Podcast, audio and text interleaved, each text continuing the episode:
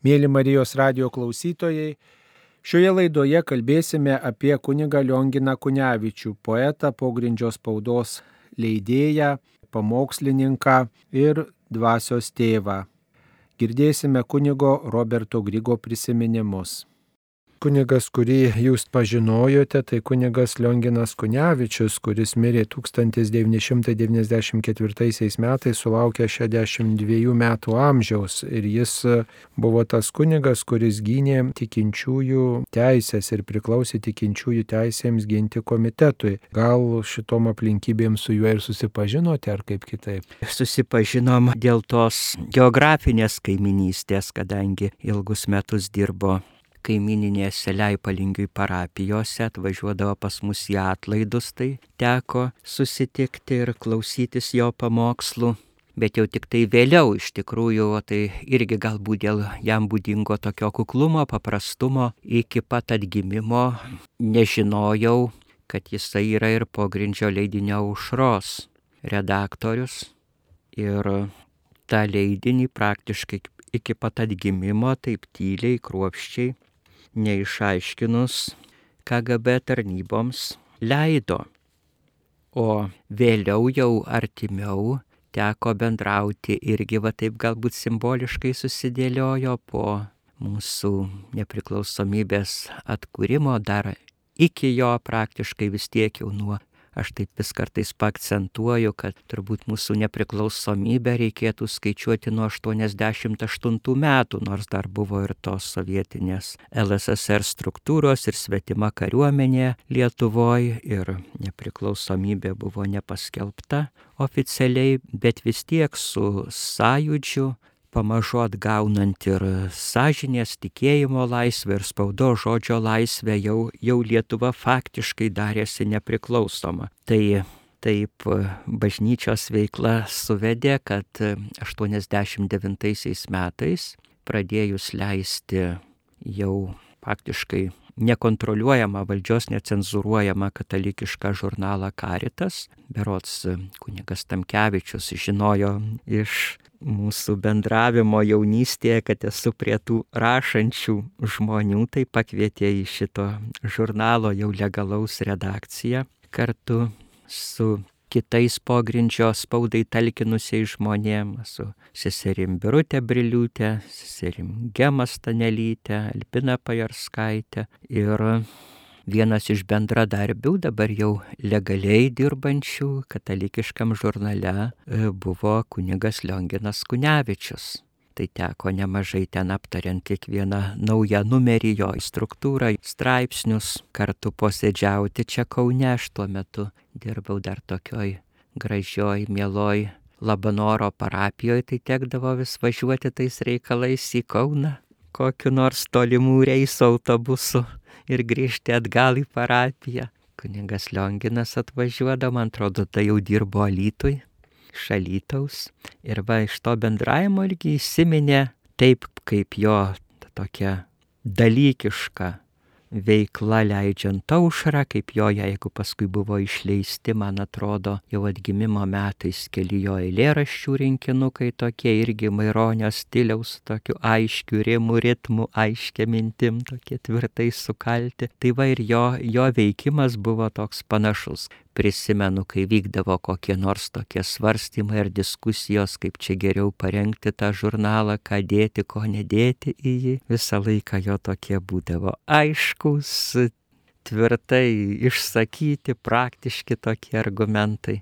Beje, žurnalas Karitas e, pradėjo spausdinti ir jo eilėraščius įvairiom ar religinių švenčių, ar tautinių švenčių progom. Galima tuose pirmuose nuo 89 metų numeriuose iki jo, iki jo mirties atrasti toks e, vienas aspektas, štai jisai studijavo Vilniaus universitete filologijos fakultete, tai gal irgi jums buvo artima siela, artima žmogus, nes ir jūs pedagoginiam institute vokiečių kalbą esat baigęs, tai filologai tam tikrą prasme būdu. Taip, tai turbūt tas ir, ir padėjo vienam kitą suprasti nors mūsų stiliai gal kažkiek skirtingi kaip visi žmonės, bet tokio artimumo per spaudą, per literatūrinį žodį visada buvo. O koks jo stilius buvo, kaip jūs galėtumėte apibūdinti tiems, kurie nepažįsta kunigo Liongino Kunevičiaus? Jau užsiminiau, man atrodo, kalbantis apie Leipalingio kleboną kunigą Ambrasą, o toks atrodė visą laiką taip aiškiai argumentuojantis, toks gana tiesmukas, kietokas, kartais iš išorės galėjo atrodyti toks sausas, bet žinom, kad dažnai ta toks gal išorinis įspūdis neretai pridengia tokią jautrę žmogaus sielą, ką parodo ir jo poetinė kūryba. Bet vis tiek atrodė toks tvirtai stovintis ant žemės gerąją prasme, tokių praktiškų sprendimų, praktiškų tokių pasiūlymų, vai ypač daugiau bendravom leidžiant karitą žurnalą redakcijoje. Toksai žmogus tvirtai stovintis ant šios žemės gerąją prasme, gebantis praktiškai nuspręsti, kas kokiu momentu labiau tinka ar prasminga daryti. Ką parodo vis tiek to, to meto sąlygom, va tas pogrindžio užro žurnalo leidimas. Tikrai buvo metamos kaip ir kronikai didelės pajėgos surasti, kas čia leidžia, kas čia redaguoja ir iki pat atgimimo jisai ėjo ir skleidė tieso žodį mūsų visuomeniai. Taip, Lietuvos pogrindžio periodinis leidinys Aušrai jo nuo 1975 iki 1988 metų, taigi iki pat atgimimo, kai jau buvo galima. Buvo praktiškai atgauta spaudos laisvė, jau viešai buvo galima rašyti, ką galvojam ir skelbti. Taip ir vėliau iš pradžių šitą leidinį redagavo kunigas Sigitas Tamkevičius, vėliau kunigas Lionginas Kunevičius. Tai aišku, čia pagrindinė turbūt užduotis buvo priešintis rusinimui, kaip ir šito leidinio pirmtakas aušras siekita tokį uždavinį. Ir, ne, ir man atrodo, kad ten skliausteliuose, kai leidinys buvo numeruojamas, tai buvo tesiama numeracija nuo pirmojo Basanavičiaus aušros. Taip, nuo pirmojo aušros leidinio, to prie senojo. Buvo buvo bandoma pabrėžti tą simboliką, kad e, Basanavičiaus aušra kovojo prieš to meto carinės Rusijos vykdomą Lietuvos nutautinimą ir kolonizaciją ir šita aušra tęsė naujom jau tos sovietinės okupacijos sąlygom šitą patį darbą. Tai irgi buvo ta numeracijos tasa, toks e, iškalbingas ženklas. Bet, e, sakyčiau, ten daug temų buvo tikrai labai pagal to meto sąlygas suburti vis tik tai ne vieno autoriaus kolektyvą šitam darbui, nes daug kas rašė. Tai čia kunigas Lionginas Kunevičius telkdavo tuos žmonės. Nu, turbūt gal ir kunigas Sigitas padėjo visą tą mūsų katalikiškojo taikaus pasipriešinimo aplinka, bet na, jisai buvo ilgą laiką redaktorius. Tai ta temų įvairovė buvo, buvo tikrai tokia daug apimanti, kaip minėjote, tas pasipriešinimas nu, nutautinimui, rusinimui, bet kartu ir tikėjimo priespaudos tema nuolat buvo minima ir įvairios kultūros temos, prisimenu, pasirodantis įvairūs nauji Lietuvos kultūros gyvenime spektakliai, literatūros kūriniai ar tai, kas vyko viešoje erdvėje, taip pat buvo aptariama ir įvairiai vertinama įvairios vatos ir tokios tautiniais klausimais diskusijos, kalbos išsaugojimo klausimais, kas turbūt ir tada ir dabar yra aktualu, prisimenu, kadangi skaičiau ir platinau aušrą, kiek e, pavykdavo tuo metu sąlygom gauti. O tai iš kur gaudavote iš kunigo Kunevičiaus? Ne, pasakau, su juo tiesioginio ryšio nebuvo, net nežinau, kad jis redaktorius, daugiau iš kunigo Tamkevičiaus, iš kunigo Zdebskio, iš tos aplinkos. O kam platinti, tai kam dabar reikėdavo patikimam žmogui, nes taip Na, galėjai tai... saugumo nagus pakliūti? Tai pirmiausia, žinoma, dalindavomės savo tarpę jau šiek tiek pažįstami, kam pavykdavo naują numerį gauti pirmam, va tam Euharistijos bičiulių, katalikiško tikinčio jaunimo aplinkoje, mūsų dzukijos tuose miesteliuose, kur vieni kitus pažinojom, Leipalingy, Druskininkuose, Veisėjuose, Kapčiamiestyje, Šlavantuose. O paskui vis tiek, va, kur, kur nors aš, aš taip mėgindavau, jeigu ilgiau bendrauji, ten kažką va, iš klasės draugų labiau pažįsti, pagalvoji, kad va žmogus galbūt protingas neišduos, pasiūlai kaip nors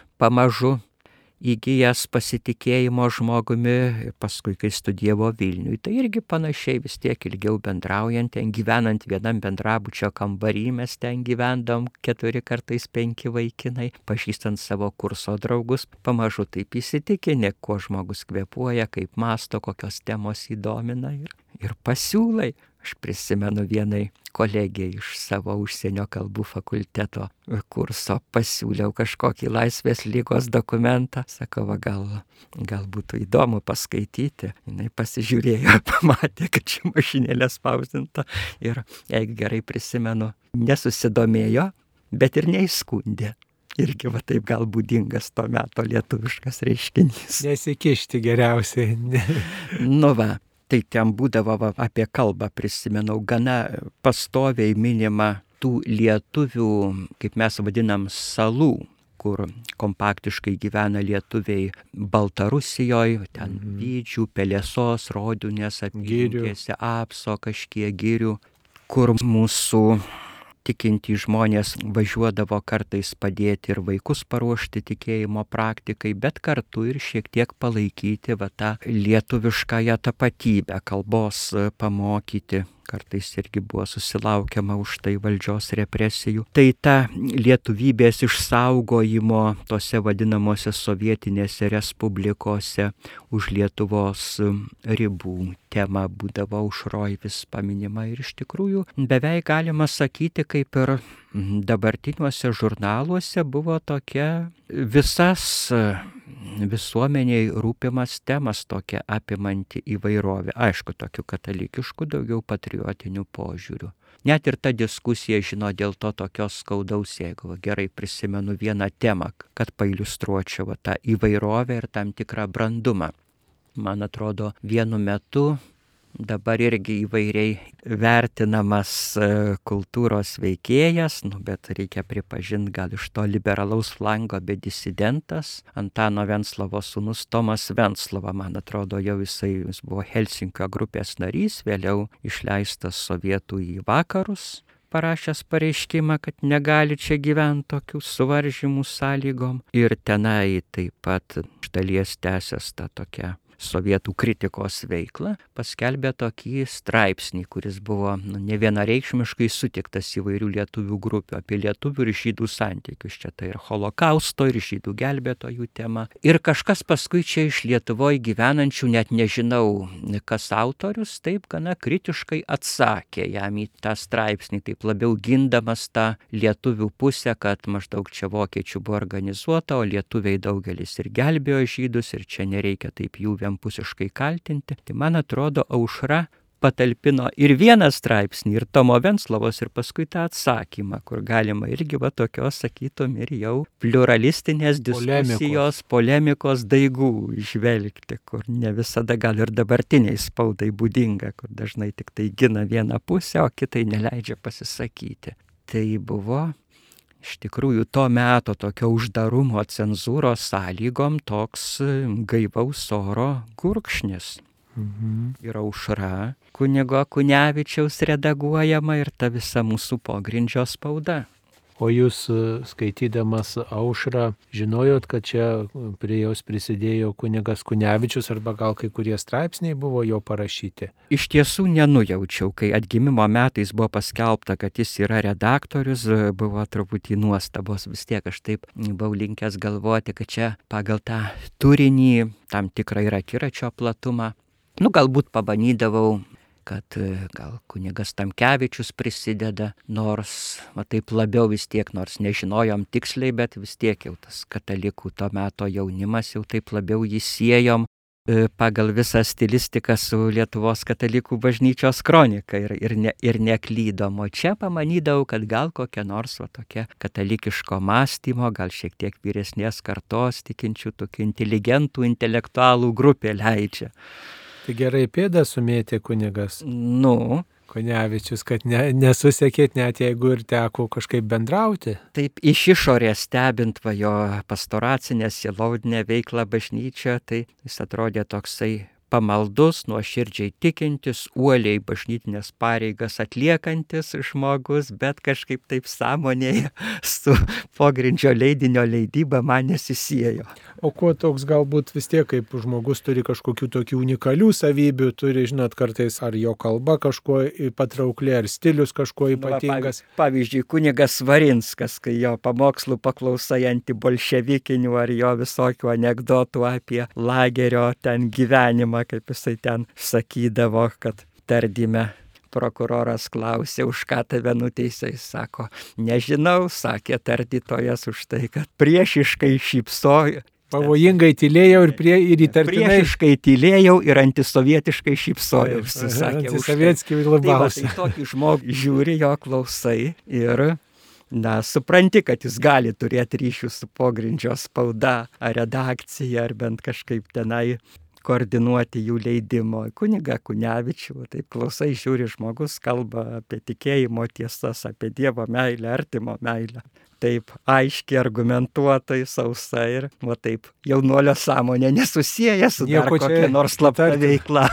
O šiaip kuo gal jisai krito į akį kaip toks ypatingas, gal vienoje kitoje srityje ir pastoracijoje, ar gal kažkuo kitą, kad atkreipė jūsų dėmesį, ar jo pamokslai, ar dar kažkas kitas. Tai va, būtent įsiminė tuo tokiu nuoširdžiu, uoliu tikėjimo pareigų, kunigiškų pareigų atlikimu. Ir atrodė, kad daug buvo va, tokių nuoširdžiai einančių, atliekančių savo pareigas kunigų. Ir kaip tik atrodė, va, kad labai nu, geras, pamaldus kunigas, bet tarsi iš kitų nieko labai neįsiskiria. Gal čia ir buvo, taip sakant, ta savybė, kuri leido jam užmaskuoti tą neregimą veiklą bažnyčios labui.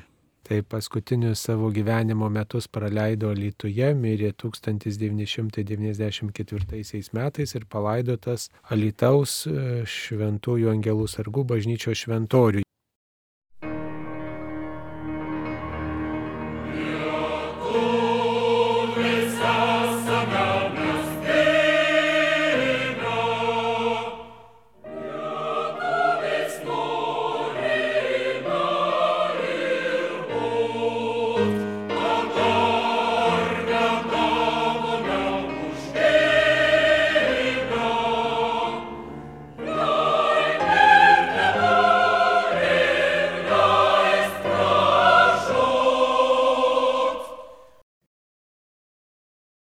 Dabar paklausykime kunigo Liongino Kunevičiaus pamokslo. Skaito aktorius Saulis Bagaliūnas.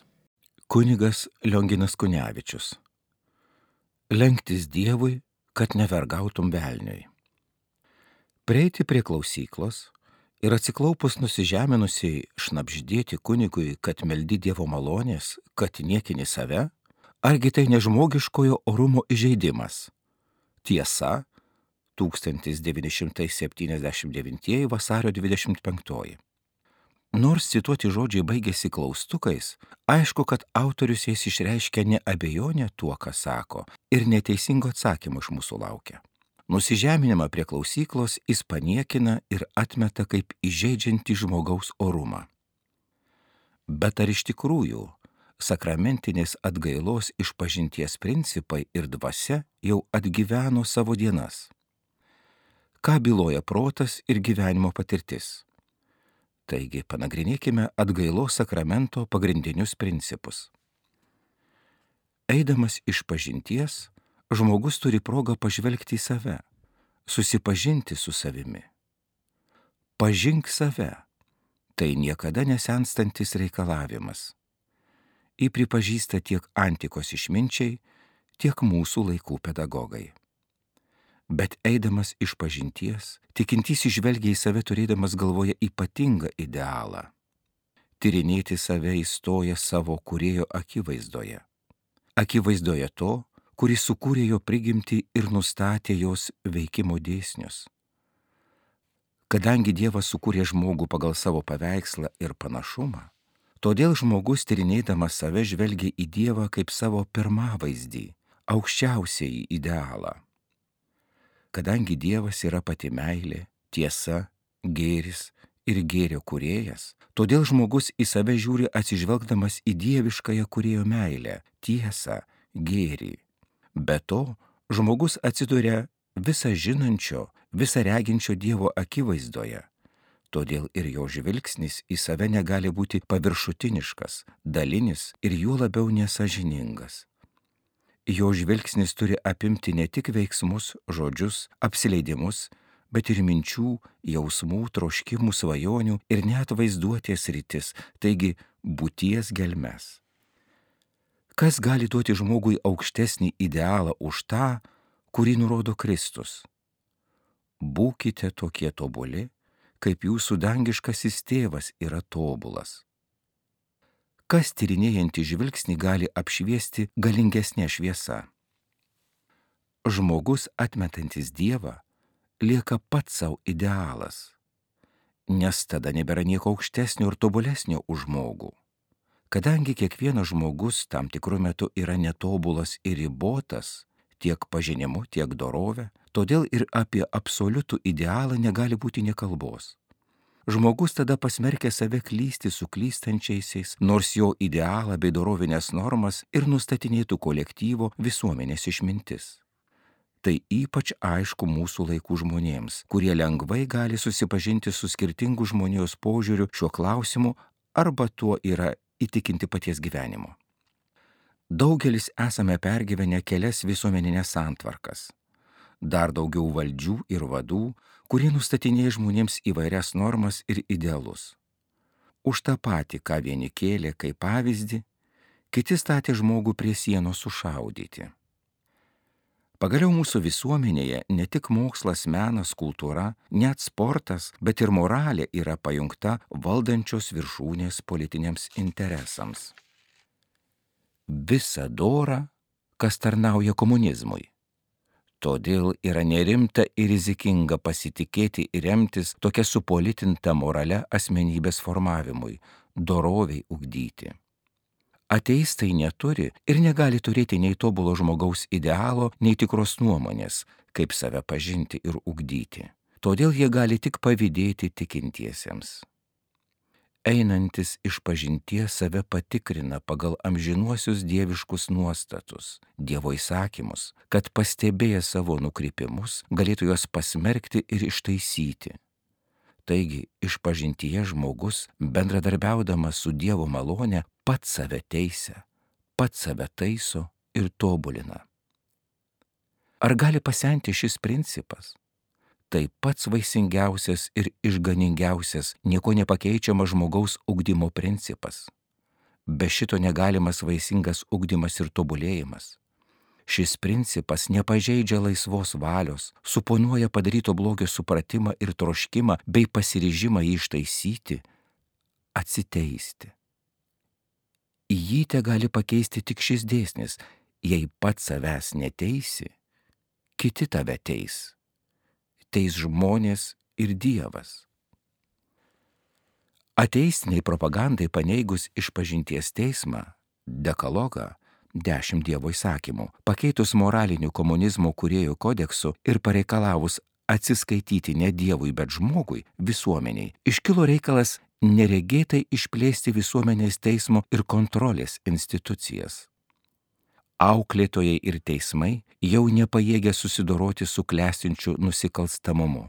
Gausios bylos teismuose nesuskaičiuojami draugiški teismai kolūkiuose, įmonėse ir įstaigose, daugybė komisijų kovai su nusikalstamumu, milicijos kambariai nepilnamečių reikalams, milicijos atraminiai punktai, draugovininkų armijos, vien tik Vilniaus mėsos kombinate yra 160 draugovininkų, globotojų sąjudis, pulkai revizorių, inspektorių, liaudės kontrolės aktyvistų, absurdiškiausias popierizmas ir panašiai. Štai kas atėjo pakeisti iš pažinties teismo. Prie klausyklos tikintysis neniekina savęs kaip žmogaus. Tai būtų net nuodėmė, nes žmogus yra didingiausias Dievo kūrinys. Jis paniekina tik tai, kas žaloja, greuna žmogaus idealią prigimti, kas temdo jame dieviško pirmavaizdžio spindėjimą. Iš pažintyje nukerpamos visos sielos laukinės ataugos operuojami piktybiniai augliai. Išpažintis dažnai būna žmogaus dvasinio gyvenimo reanimacija, prisikėlimas iš mirties arba dvasinis atsinaujinimas, atsigaivinimas, nešantis tyrą džiaugsmą, kurio žmogus kartais nepamiršta visą gyvenimą. Štai neseniai pasakojo vieno senelio artimieji, buvę prie jo mirties. Jis taiga susirgęs šaukėsi kunigo ir sakė, melskitės, kad aš galėčiau dar sulaukti kunigo ir atlikti išpažinti. Man taip reikia. Atsimenu jaunystėje atlikęs išpažinti, prieėmęs komuniją, jausdavau tokį ramumą, džiaugsmą. Tai buvo gera. Paskui apsileidau. Ar duos Dievas prieš mirtį to džiaugsmo? Deja, jis spėjo pareikšti Dievui tik to džiaugsmo troškimą. Kunigui atėjus, jis jau merdėjo. Kaip gaila, kad to džiaugsmo negali patirti netikintieji. Tiesa, iš pažintyje galima pajusti nemalonų savęs pažeminimą, bet jis būtinas, kad bent iš dalies būtų atpirkti prasižengimai. Iš pažintyje žmogus save pažemina tik prieš vieną asmenį - Dievo ir visuomenės atstovą kunigą. Šio nusižeminimo negalima lyginti su tais, kuriuos jis patiria visuomenės teismuose, kai išjuokiamas spaudoje, karikatūromis, feljetonais, pikta satyra, kai ko neveikiamas sienlaikraščiuose, gatvių satyros languose, televizijos ekranuose, susirinkimuose, draugiškuose ir nedraugiškuose teismuose, kai sutoktiniai verčiami apsinuoginti skirybų bylose ir panašiai. Čia vargšą žmogų šluoja kaip šiukšlė, šluotos, ryja lyg grobi krokodilai, pliekia botagai, bado įlos. Ar šios netikinčiųjų vartojamos priemonės su žmonių silpnybėmis ir piktavališkumu kovoja ne žmogaus pažeminimu? Ar tai nežmogiškojo orumo įžeidimas? ir juo skaudesnis šis viešas pažeminimas, kai jame įsimaišo klaidų, neteisybių, asmeninių sąskaitų suvedinėjimo, intrigų, keršto, valdžios rodymo ir kitokių žemų motyvų. Ypač tai turėtų atsiminti žmogiškojo orumo gerbėjai, ateistai, kai puola garbingus ideologinius savo priešus ir poveikio atžvilgiu toks visuomeninis teismas neprilyksta išpažinties teismui, nes jis neretai pasėja žmogaus sieloje tik pykčio, keršto ar vien baimės ir dar didesnio užsisklendimo nuo visuomenės, neapykantos jai sėklas. Išpažintyje viso to negali būti nes pats prasižengėlis prisipažįsta kaltas, gailisi, ryštasi taisytis, prašo atleidimo. Be to jį džiugina atleidimo malonė ir stiprina bei drąsina grumtis dėl gėrio tėviški kunigo pamokymai. Ateistams atrodo, kad tikinčiuosius žemina pats atsiklaupimas prie klausyklos. Bet tikrai ne kiekvienas klūpojimas žmogų pažemina. Negi pažemina save sunus ar duktė, kai svarbiausiais gyvenimo momentais atsiklaupia prieš savo tėvą ar motiną kai parpuola ant kelių, pabučiuoja tėvynės žemę tremtinys ar emigrantas, kai suklumpa iš skausmo prie mylimo žmogaus kapo, kai sužadėtinės iš meilės atsiklaupia prieš savo sužadėtinę, kai priklaupia prieš vėlią vakarys, ją pagerbdamas ir jai prisiekdamas, kai ant kelių puolės prašo atleidimo to, kuriam gyvenime buvo labai nusikaltęs. Prie klausyklo žmogus atsiprašo patį Dievą. Čia reikia pasakyti, kad Kristus tokios pagarbos klauptis nėra reikalavęs ir bažnyčia niekada to neįsakė, bet žmonės patys mielai tai praktikuoja iš meilės ir pagarbos Dievui. Žmogų pažemina nusikaltimas, nuodėmė, bet nenuodėmės pasmerkimas, jos išpirkimas. Tai garbingas aktas žmogus žeminamas tada, kai verčiamas gerbti ir lenktis tam, ko pats nevertina ir nemyli. Tokiomis žmogų žeminančiomis sąlygomis gyvena daugelis TSR piliečių. Jie priversti ploti tam, kuo nesižavi, balsuoti už tą, už ką laisvi būdami tikrai nebalsuotų, liaupsinti tai, ko širdyje visai negerbė ir nemyli. Tai dvasinis žmogaus parklubdymas, sąžinės prievartavimas, kuris tikrai įžeidžia žmogaus orumą. Nors atgailos sakramentas pirmiausia skiriamas žmogui siekiančiam ant gamtinio tikslo - sielos išganimo, bet jis labai reikšmingas ir žemiškajam visuomenės gyvenimui. Išpažinties principai išganingi ir žemiškam gyvenimui. Jie saugo arba atgaivina pažeistą žmogaus orumą. Džiugu, kad dar daug mūsų tėvinės sūnų ir dukterų klaupėsi prie klausyklos, ypač gavėnios metu, tai žmonės, kurie kovoja pačią reikšmingiausią kovą dėl savo dorinio tyrumo, dėl garbingo gyvenimo žemėje ir amžinos garbės danguje. Jie lenkėsi Dievui, kad nereikėtų tarnauti velniui ir į jį supanašėjusiam žmogui, klaupėsi prieš gėrį ir tuo pasmerkia blogį. Jie rodo gerą, sektiną pavyzdį visiems savo tautiečiams. Oh.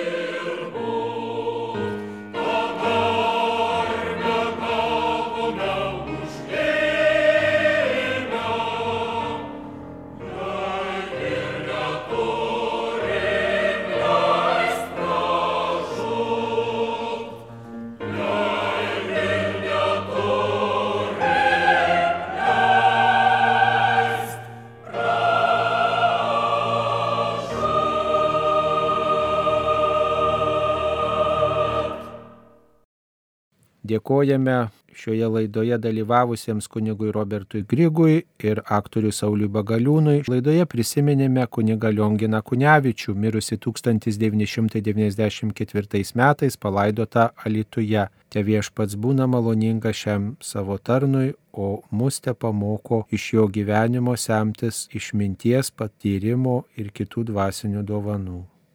Ačiū sudė.